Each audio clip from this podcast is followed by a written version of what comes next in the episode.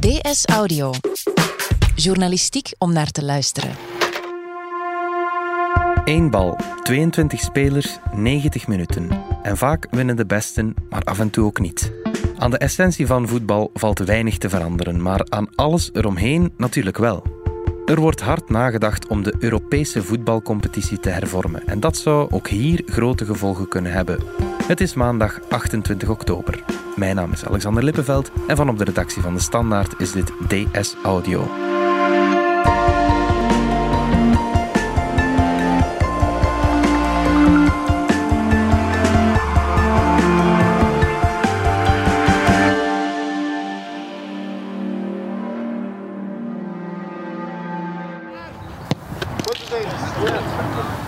Is een goed one. Nico Tange, economie- en sportredacteur. Jij was afgelopen donderdag op een plek waar dit te horen was. Are you ready? First touch. Beschrijf eens, waar ben je? Wel, we zijn hier op het uh, jeugdtrainingscentrum van uh, Sporting Anderlecht in Neerpede. Waar uh, niet alleen bij de jeugd traint, maar ook de eerste ploeg. Ja. En we zijn hier eigenlijk bij een individuele training die Per Zetterberg en Simon Davis, ja. twee assistenten van coach Frankie Verkouteren, geeft aan Jeremy Doku. Dat is een zeer getalenteerde flankspeler van, ja. van Anderlecht. Ze laten hem onder andere afwerken op doel. Ja, oké. Okay. En wat doe je daar in Neerpede? Wel, uh, we zijn daar gaan praten met uh, Michael Verschuren. Goeiedag. Wij zijn op zoek naar uh, Michael Verschuren. Ik had een interview om tien uur. Die is niet alleen de manager van, van Anderlecht. Hoi, goedemorgen. Alles goed? Ja, dankjewel. Al eens bedankt om ons te ontvangen. Hè. Uh, maar uh, wat misschien niet iedereen weet, is dat hij ook uh, bestuurder is van de European Club Association. En dat is dan weer een federatie van Europese topclubs à la Bayern, Manchester United, Juventus, mm -hmm. die zichzelf hebben verenigd om, ja, laten we zeggen, als lobby sterk te kunnen wegen op beslissingen over het Europese voetbal. Ja, Bayern, Manchester United, dat zijn heel grote clubs. Anderlecht zit daar dan ook bij.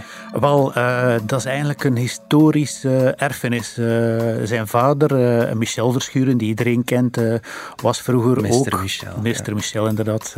die, die was vroeger eigenlijk bestuurslid bij de European Club Association. En uiteindelijk is dat een soort verkiezing die dan gebeurt. En Michel, de zoon van, heeft zich kandidaat gesteld. Okay. Ja. En hij vertegenwoordigt daar niet alleen Anderlecht, maar hij vertegenwoordigt eigenlijk alle Belgische clubs. Op, dat, op ja. dat niveau hij is onze enige Belgische vertegenwoordiger op topniveau. Wat doet hij juist bij Anderlecht? Wel, zoals gezegd, hij is een tweetal jaren geleden Herman van Holsbeek komen opvolgen als de nieuwe manager van, van Anderlecht. Ja. Na de overname die er gebeurd is door Mark Koeken. En wat voor een man is hij? Uh, ja, hij is een heel jonge, dynamische uh, man, 35 jaar oud. Die komt eigenlijk uit de marketingwereld. Wie seated, please? Ja, dat gaan we doen. Maar dankzij de historische uh, band die er altijd geweest is met, uh, met Anderlecht, heeft hij altijd een voorliefde gehad voor de club. Ja. En uh, heeft hij zich ook opgewerkt op Europees niveau in de beslissingsorganen. Waarom wil je met hem praten? Wel, ik wou met uh, Michael Verschuur gaan praten uh, over de geplande hervorming van de Champions League. In those exciting times, zoals Ja, absoluut. Garçon, hè? Ja. Beweeg die, hè? Ja.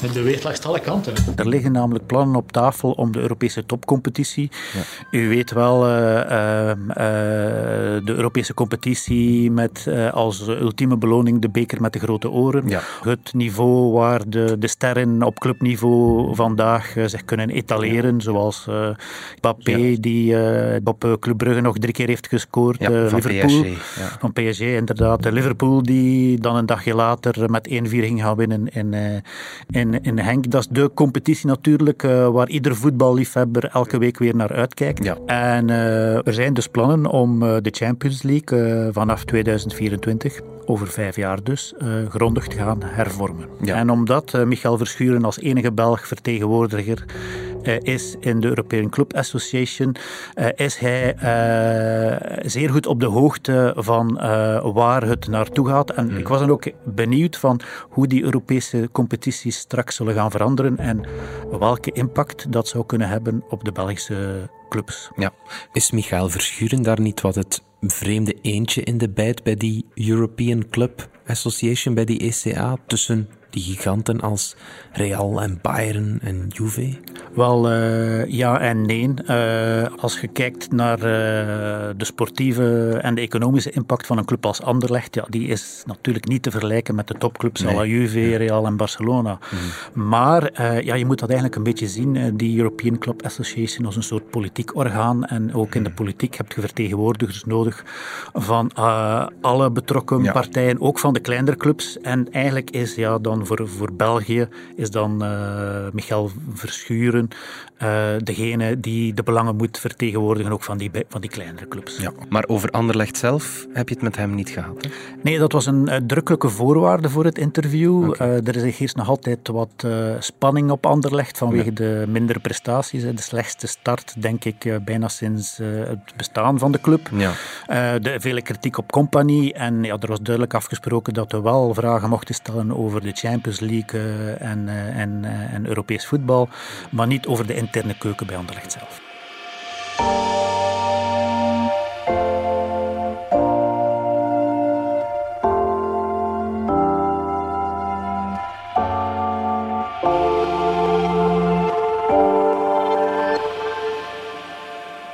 Je wilde dus met Michael Verschuren praten over die Europese voetbalcompetitie en de plannen daarover. Maar laat ons beginnen bij het begin. Die Europese voetbalcompetitie, hoe zit dat juist in elkaar? Je hebt de Europa League, de Champions League. Uh, leg dat eens uit. Wel, uh, voorlopig is het zo dat alle ploegen in Europa zich kunnen plaatsen voor een Europese competitie dankzij een goede prestatie in een eigen nationale competitie. Okay. En dan is het zo dat als je kampioen speelt of in de eerste twee, drie naar gelang het land, dat je dan automatisch je plaatst voor de Champions League. Ja. Uh, word je bijvoorbeeld vierde of vijfde of win je de beker, mm -hmm. dan ga je jezelf plaatsen voor een competitie net daaronder en die heet dan dan de Europa League. Ja.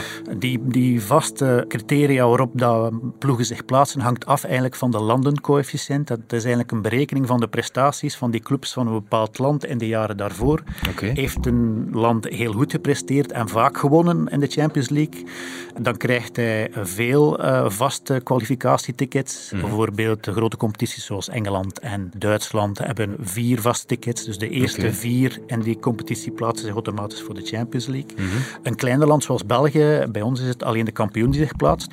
En de tweede die dan kan deelnemen aan een voorronde. Mm -hmm. En uh, als ze een aantal wedstrijden winnen in die voorronde, kunnen ze zich ook plaatsen. En dat is eigenlijk ja. wat er dit jaar is gebeurd. Genk heeft zich geplaatst als kampioen. Club Brugge heeft deelgenomen aan de voorronde en heeft zich dankzij een aantal overwinningen ook kunnen plaatsen. Omdat we twee ploegen in de Champions League. Dat gebeurt niet zo vaak, hè? twee ploegen in de Champions League? Nee, het was tien jaar geleden dat dat ja. gebeurd was. Ja, want de, door die voorronde komen was uh, vaak aards moeilijk. Uh, maar het is Club Brugge dit jaar toch gelukt. Waarom is die Europese voetbalcompetitie, Champions League en Europa League, waarom is die zo belangrijk? Wel, uh, die is vooral financieel heel belangrijk voor de deelnemende clubs. Je moet weten dat als je kijkt naar de Belgische competitie, er bijna geen enkele Belgische club winstgevend is. Hmm. Operationeel draait bijna elke club verlies. En dan zijn er twee mogelijkheden om dat verlies aan te zuiveren elk jaar. Enerzijds door transfers te gaan doen, spelers te gaan verkopen, uh, Hmm. in de hoop dan het, het gat in, de, in het budget te, te, gaan dichten. Of zich te plaatsen voor de Champions League of de Europa League. En vooral de Champions League is dan uh, heel belangrijk, omdat je daar heel hoge starthelden hebt en ook hele hoge premies per winst. En je mag eigenlijk ervan uitgaan, als je je plaatst voor de Champions League, dat je dan 20 tot 25 miljoen extra in kas hebt uh, dat jaar alleen al. Dat is echt niet slecht. Dat is echt niet slecht. Nee. En voor veel topclubs is dat dan ook uh, ja, heel belangrijk om zich op regelmatige basis daarvoor te, te gaan kwalificeren. Komt het dat daar zoveel geld in omgaat?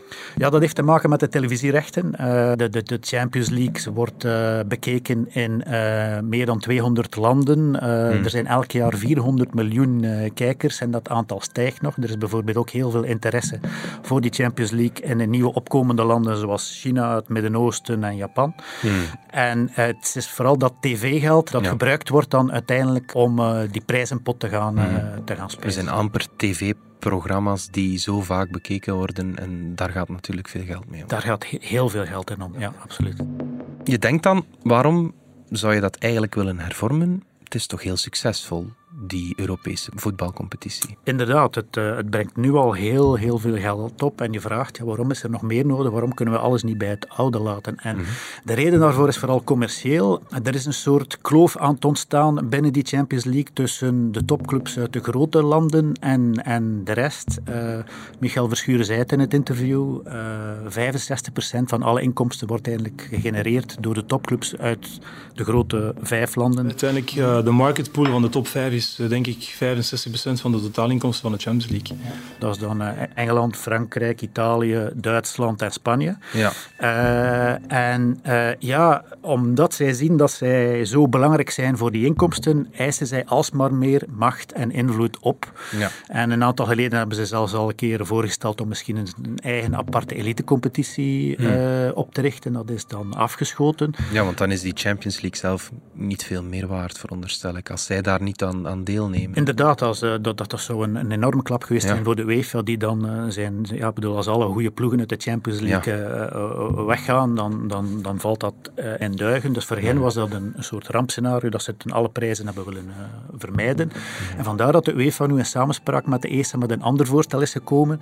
En dan komt er eigenlijk op neer van, ja, waarom zouden we die Champions League niet gaan hervormen tot, tot eigenlijk ook zo'n soort elite-competitie, maar dan niet helemaal gesloten, maar half open. Daar kwam het eigenlijk een beetje op neer, het, het voorstel dat begin dit jaar werd, uh, werd gelanceerd. Half open, dat betekent dat er clubs kunnen bijkomen en, en weer uitvallen. Die degraderen dan, zo gezegd. Ja, voilà, maar dat zou heel beperkt zijn. Het kwam er eigenlijk op neer dat uh, een, een 12 tot een twintigtal clubs, naar gelang de versie die op tafel kwam, uh, eigenlijk bijna altijd gegarandeerd zou zijn om aan die Champions League deel te nemen. Dus Hmm. zelfs als ze slecht zouden presteren in de, in de competitie, zoals bijvoorbeeld nu Anderlecht, uh, ja. gezegd van je wordt maar twaalfde, uh, normaal gezien moet je bij de eerste vier eindigen of moet, moet je zelfs kampioen spelen om te kunnen deelnemen aan de Champions League. Nee, dan nog zou je kunnen deelnemen hmm. aan die Champions League.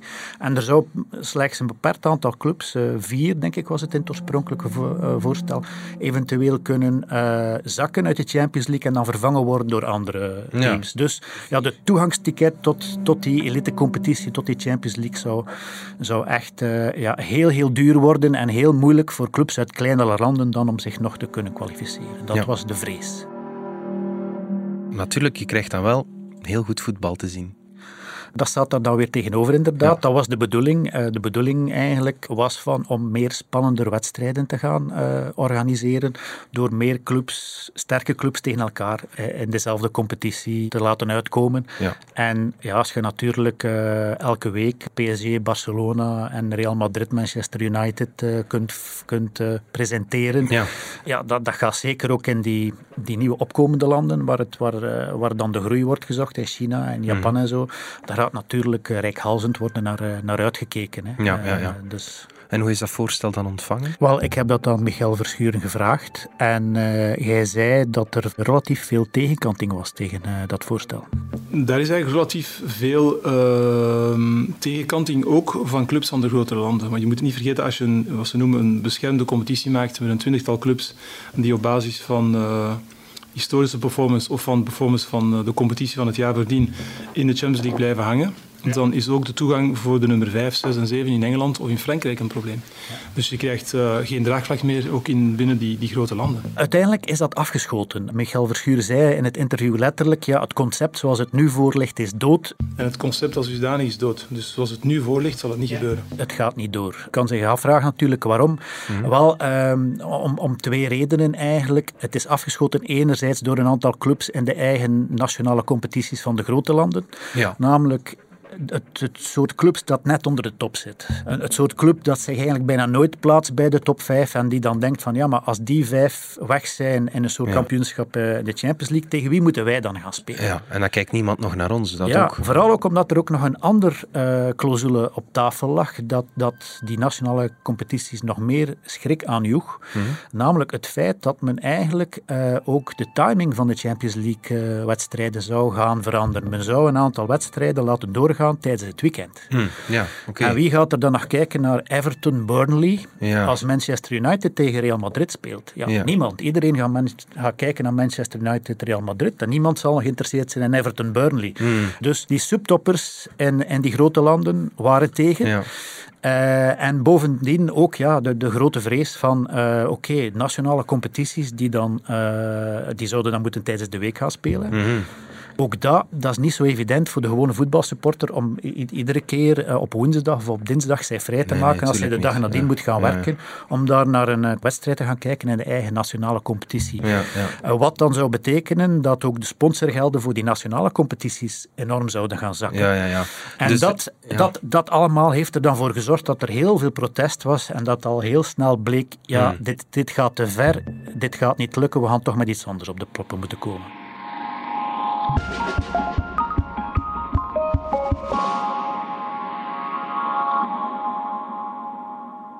Het concept is dood, maar de goesting om te hervormen, dat nog niet. Nee, dat nog niet. Want uh, het, het, probleem, zoals uh, Michael Verschuren dat, dat mij heeft uitgelegd, is mm. dat eigenlijk als je kijkt naar de inkomsten wereldwijd van het voetbal, dat dat aan het zakken is. Dus uh, we zitten in een, in, in, een changing landscape. Dat wil zeggen dat de inkomsten onder druk staan. En dat komt eigenlijk doordat een aantal mediagroepen uh, zijn uh, gaan fuseren. Waardoor dat als er een nieuw tv-contract uh, moet worden onderhandeld, dat er minder concurrentie is. Dus de, die verschillende groepen kopen zichzelf op of zijn minder concurrentieel tegenover elkaar. En dat maakt dat de groei van de laatste jaren, die per cyclus normaal tussen de 20 en 30 procent was, voor de volgende cyclus geacht wordt maximaal 10% te zijn. En dus om daarop in te spelen, um, blijft er druk vanuit die grote clubs om de Champions League te gaan hervormen, om, ja. een, om een interessantere, spannender competitie te kunnen creëren. Dus meer clubs van dezelfde grootte bij elkaar te brengen. Om dan bijvoorbeeld het grote geld uit het Midden-Oosten of China te kunnen lokken ja. en weer groei te kunnen boeken. Dus een hervorming komt er zeker. Ja. En hoe gaat die er dan uitzien? Wel, uh, de verwachting is dat het zeker een grondige hervorming uh, zal zijn, maar hoe die er precies gaat uitzien, dat, dat valt nog af te wachten, want uh, de onderhandelingen lopen nog. De timing die op tafel ligt is eind volgend jaar moet er beslist worden. Okay. En wellicht begin uh, volgend jaar komen er nieuwe voorstellen op tafel om een soort compromis te kunnen vinden tussen enerzijds die grote clubs en anderzijds die nationale competities.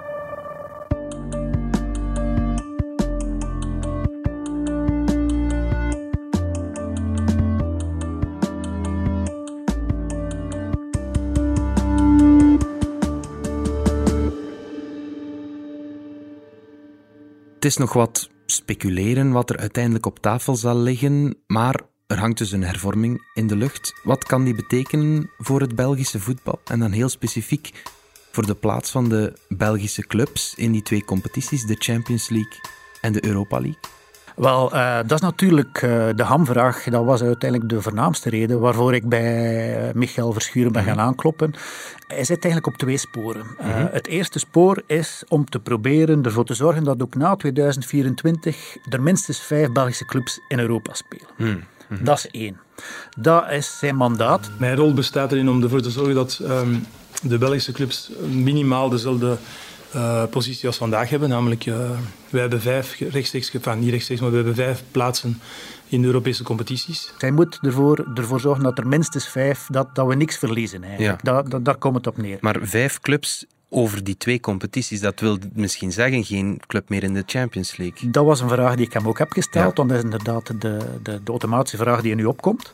En hij heeft mij verteld, ja kijk, um, uh, we, kunnen, we zijn niet zeker uh, dat we inderdaad in die Champions League op termijn gaan kunnen blijven. Mm. Um, wat dat wel zeker is, is dat um, de nieuwe Champions League, de beslissing over wie daar zal aan deelnemen, zal afhangen van de prestaties vanaf dit jaar tot en met 2024. Dus de vijf jaar voor 2024. Mm -hmm. Als Club Brugge bijvoorbeeld uh, uh, doorgaat met de prestaties die ze nu leveren, is de kans groot dat ze bij de start van die nieuwe Champions League er nog gaan bij zijn. Mm. Omdat ze een voldoende hoge coëfficiënt hebben vanwege sterke prestaties. Maar als je een beetje verder doordenkt, als je dan in die competitie daar uh, elk, elke week moet spelen tegen ene keer Barcelona, dan uh, Juventus, uh, dan Real Madrid, dan weer Liverpool, ja, dan is de kans groot dat je daar op een degradatieplaats ja. terechtkomt en dat je eruit zakt. En probeer er dan maar nog een keer terug in te komen. Mm. Dus op papier is het best wel haalbaar dat misschien er nog één Belgische ploeg in, die, in het eerste jaar in die Champions League zit. Maar op lange termijn vrezen de Belgische clubs en de Pro League ja, dat het heel moeilijk gaat worden om onze wagonnetje nog aan te haken aan die topcompetitie. En dat het misschien eh, dat we er misschien vrede gaan moeten meenemen dat we straks over vijf, zes, zeven, acht jaar, dat er nooit meer een Europese topclub eh, bij ons op bezoek komt. Dat, Hmm. dat, we, dat we niet meer tegen Liverpool gaan spelen, nooit meer tegen Barcelona, maar dat we moeten vrede nemen met een hoofdrol in, in de Europa League 1, eh, of zelfs in de Europa League 2, dus de, ja, de, de competities net daaronder, met, met dan wedstrijden tegen Wolfsburg en Frankfurt en, en Ook en goede Reims. ploegen, maar niet om te zeggen dat is een topclub natuurlijk. Nee, ja, voilà, dat ja. is het. Ik dacht, Nico, dat het eigenlijk wel goed ging met Belgisch voetbal. Eh, Je hebt spelers die overal het mooie weer maken. Hazard, Mertens, De Bruyne, Lukaku. Maar die Belgische competitie zelf, dat blijft toch ergens aanmodderen in de marge. Hoe, hoe komt dat toch? Ja, dat heeft voor, voor een groot deel te maken inderdaad met de beperkte financiële middelen. Men heeft geprobeerd om die middelen op te trekken, eh, onder andere door eh, betere onderhandelingen te voeren eh, over de tv-contracten, onder, onder andere ook door onze competitieformule te hervormen. Hè. België is een van de weinige competities waar, waar dat je een play-off 1 hebt, waar dat dan de beste zes ploegen op het einde van de competitie ook nog eens allemaal tegen elkaar spelen. Dat is eigenlijk een beetje hetzelfde concept wat dat men nu probeert te bedenken voor de Champions League, voor het Europees voetbal. Namelijk, ja, als we die topclubs allemaal nog een keer tegen elkaar kunnen laten spelen, Ja. dan gaat de interesse van die mediagroepen stijgen, gaan ze meer bieden en kunnen we meer inkomsten genereren. Dat is eigenlijk gelukt in de Belgische competitie, maar nu zit men eigenlijk een beetje aan het plafond. Maar we hebben dus een inhaalbeweging gemaakt. Maar zo denkt men nu, bij, eh, bij, zowel bij de Pro League als, eh, bij- als bij de Belgische clubs, misschien moeten we nu nog een stap verder doen en moeten we eigenlijk de oude plan dat al vele malen op tafel heeft gelegen en er nooit is gekomen, namelijk een samensmelting van de twee competities tussen België en Nederland, misschien moeten we dat terug op tafel halen. En misschien moeten we eindelijk die Beneliga, waar dat er, waarvan er al lang sprake is, een grensoverschrijdende competitie, moeten we die nu toch op poten zetten. En, eh, en ja, de deadline natuurlijk, zal u niet verbazen, tegen wanneer zou dat moeten gebeuren? Tegen 2024, namelijk het, het moment waarop dat ook het Europees voetbal wordt hervormd. Ja. Ja. Hoe groot is de kans dat zo'n Beneliga er dan eigenlijk komt? Wel, ik heb die vraag ook aan Michael Verschuren gesteld en het antwoord heeft mij echt wel eh, verbaasd. Mhm. Eh, en jij schatte die kans wel heel hoog in, 75 procent. 75% toch? Nico Tange, dankjewel. En dan nog een kleine correctie. In een eerdere versie van deze podcast hebben we gezegd dat Frankrijk vier vaste tickets heeft voor de Champions League. In feite zijn dat er maar drie. We hebben de correctie doorgevoerd op maandag 28 oktober na de middag. Dit was DS Audio. Wil je reageren? Dat kan via dsaudio.standaard.be. In deze aflevering hoorde je Nico Tange en mezelf, Alexander Lippenveld. Ik deed ook de redactie samen met Fien Dille. De eindredacteur is Wouter van Driessen. Pieter Schrevens deed de audioproductie. Brecht Plasgaard schreef de muziek die je hoorde in deze podcast. Chef audio is Wouter van Driessen. Vond je deze podcast interessant? Weet dan dat je er elke werkdag één kunt beluisteren. Dat kan via de DS Nieuws app of via standaard.be-audio. Je kunt je ook abonneren via iTunes, Spotify of de podcast app van je keuze. En als je daar dan toch bent, schrijf gerust een review. Zo toon je ook anderen de weg. Morgen zijn we er opnieuw.